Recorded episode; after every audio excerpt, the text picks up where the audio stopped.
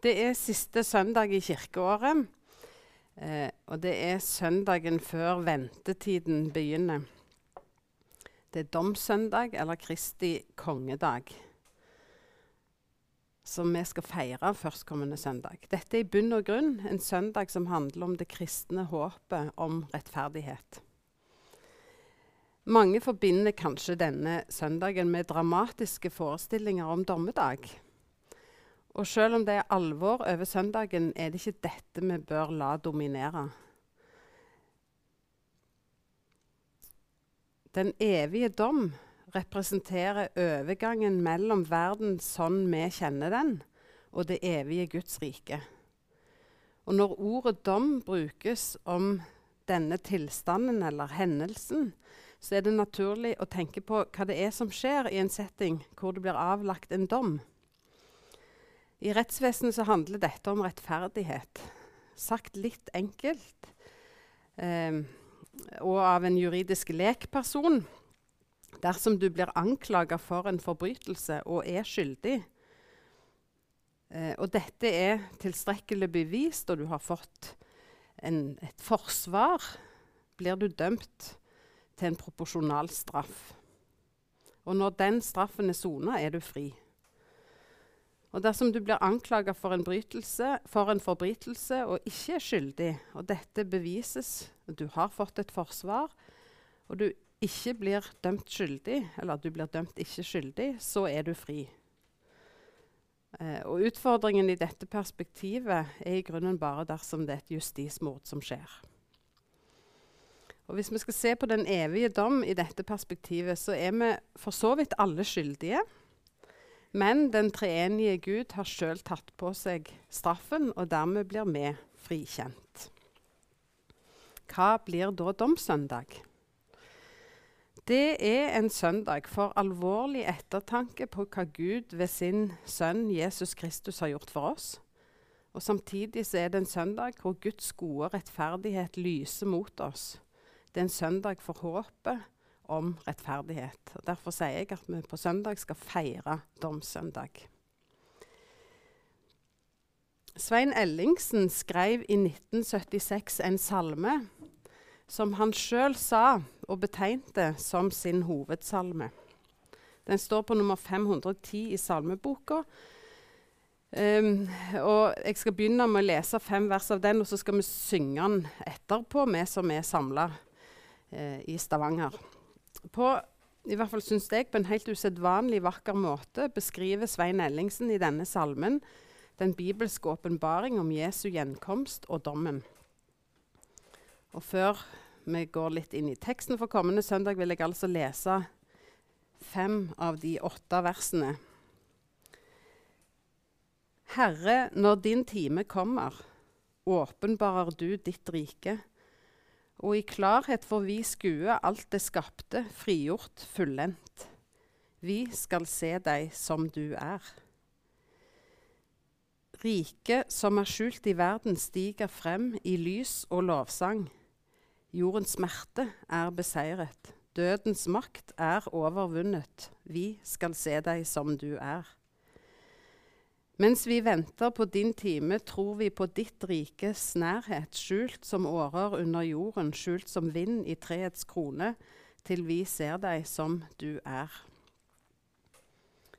Du var nær oss i vår dåpsstund, du er nær ved nattverdbordet. Dine gaver gir oss forsmak på ditt rikes store måltid, når vi ser deg som du er. Gi oss nåde mens vi venter til å leve midt i verden. Gi oss nåde til å lide ved din ånd som virker i oss. Han som ser deg som du er.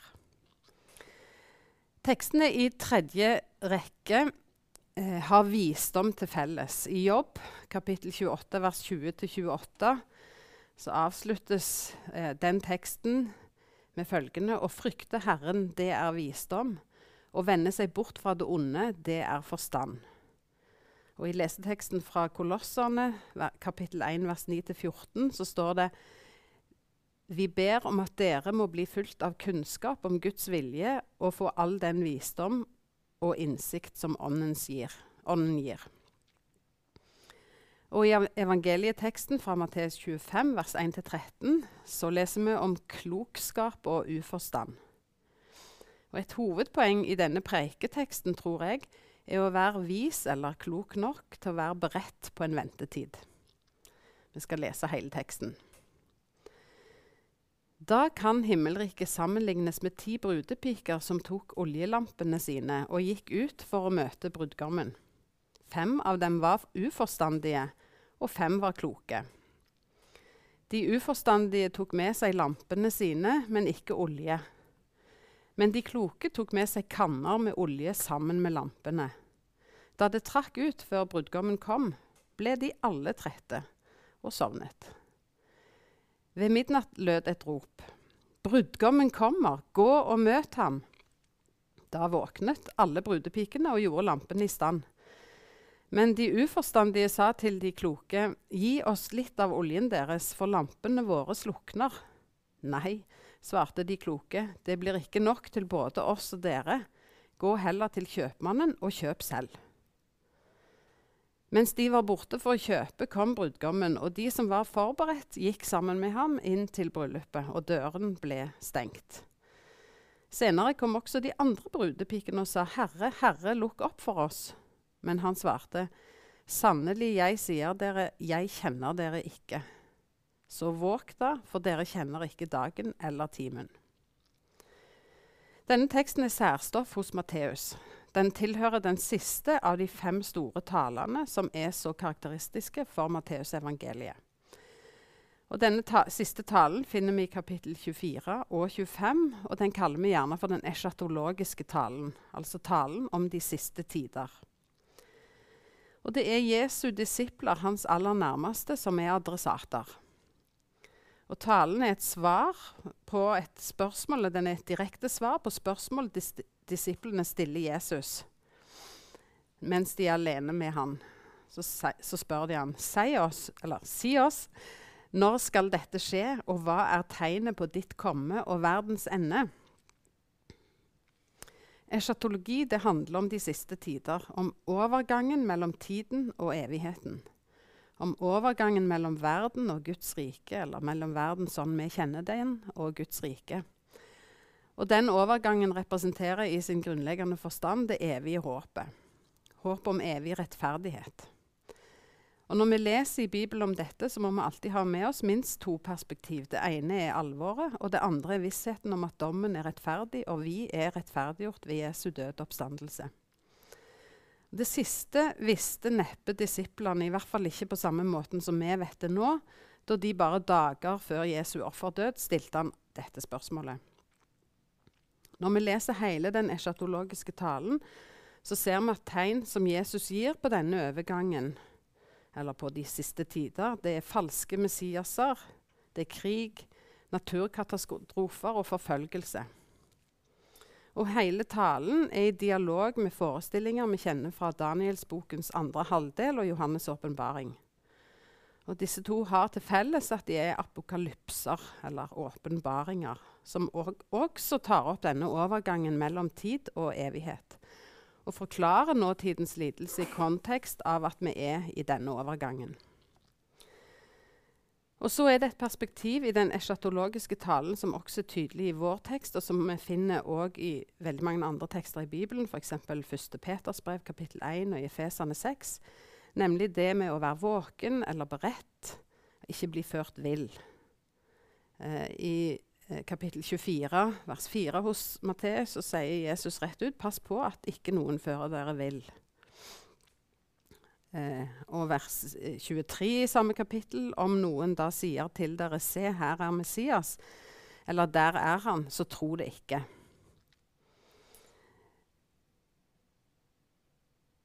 Og Så henviser han enda litt senere i samme kapittel til hvordan det var i Noas dager. De skjønte ingenting før flommen kom og tok dem alle. Så når Jesus svarer sine disipler om de siste tider og tegnet på sitt komme og verdens ende, eh, så er det et veldig alvor han legger inn over de, de som er hans nærmeste, om at de må være beredt og våkne og ikke la seg lure og så er det i dagens prekentekst òg et element om at de må både være kloke nok til å vente, og de må tåle å vente. Og Poenget i teksten er jo ikke at de ikke skulle sove, men at de skulle være forberedt på å måtte vente lenger enn antatt. Og i den ventetiden være våkne i den forstand at de følger med og ikke lar seg lure. Eh, så kan vi jo se litt på settingen i teksten og hvem disse personene vi møter, er eller kan være. Eh, det som her er oversatt med brudepiker, er brukt et samme ord som i det i kapittel 1 vers 23, eh, om jomfru. Eh, og hvis dere sjekker i et, eh, et sånn, ei ordbok, så vil dere se at eh, det er en betegnelse på en jomfru eller ung kvinne i gifteklar alder. Brudgommen, det, han er brudgom. Men det er i hvert fall to ting som jeg tenker er svært påfallende i denne teksten. og det er At bruden er fullstendig fraværende, og at de som har olje, ikke deler med de som ikke har olje. Um, brudepikene sin rolle er tydeligvis at de skal motta denne brudgommen. Men det varer altså rekke og alle sovner. Og når de våkner, så er det fem som er forberedt på at de måtte vente så lenge at det var blitt mørkt, og dermed har vi olje til lampene. Mens fem har glemt denne olja. Og uten sammenligning for øvrig, så eh, når vi reiser på hytta, så skjer ikke det sjelden at det, noen av oss, f.eks. meg, har glemt å lade hodelyktene, sånn at vi ikke ser noen ting. Um, så det er litt gjenkjennelig, må jeg si, med disse fem som har glemt olja. Men her understrekes det da to uh, poeng som jeg allerede har nevnt. Vær våkne, for dere vet ikke dagen og timen. Og det andre, vær beredt til å vente.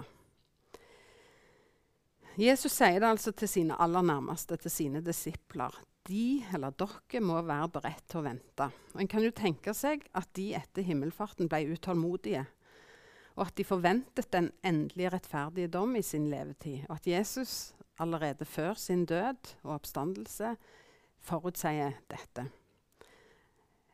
At de ville bli utålmodige, at de ville lengte etter å være sammen med Jesus i evighet, og at de derfor kunne være enkle bytter for falske Messiaser. Og Nå vet jo vi da at ventetida har vart lenge, i 2000 år, og vi venter fortsatt. Og Dermed blir jo Jesu oppfordring til disiplene også en oppfordring til oss. Vær tålmodig, vær beredt til å vente. La dere ikke bli lurt av falske messiaser. Eh, I forbindelse med forberedelsene til denne tekstgjennomgangen så var det noen sider ved teksten som fikk meg til å lure. Og, og en av de har jeg allerede nevnt. Dette at ikke eh, de kloke jomfruene ble oppfordra til å dele olja med de som hadde glemt olje. Jeg syns det fremstår litt som hver kvinne sin egen redning.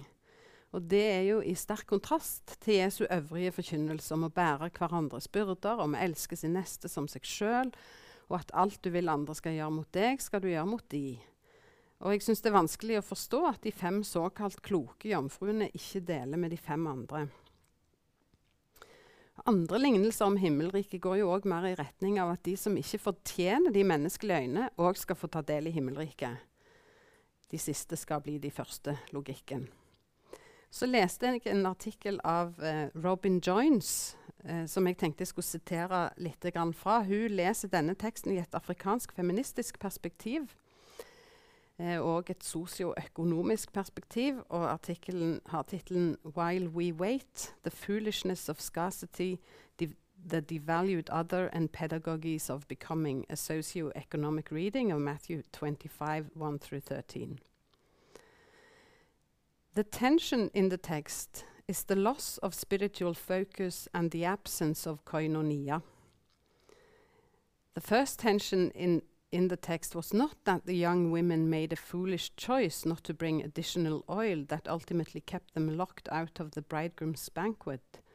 The spiritual tension affecting the five unwise virgins that overwhelmed them was that they were disappointed by the denial of support from the privileged five, lost their spiritual focus, and placed their trust in the advice of the wise who were also drowsy and limited in their spiritual insight.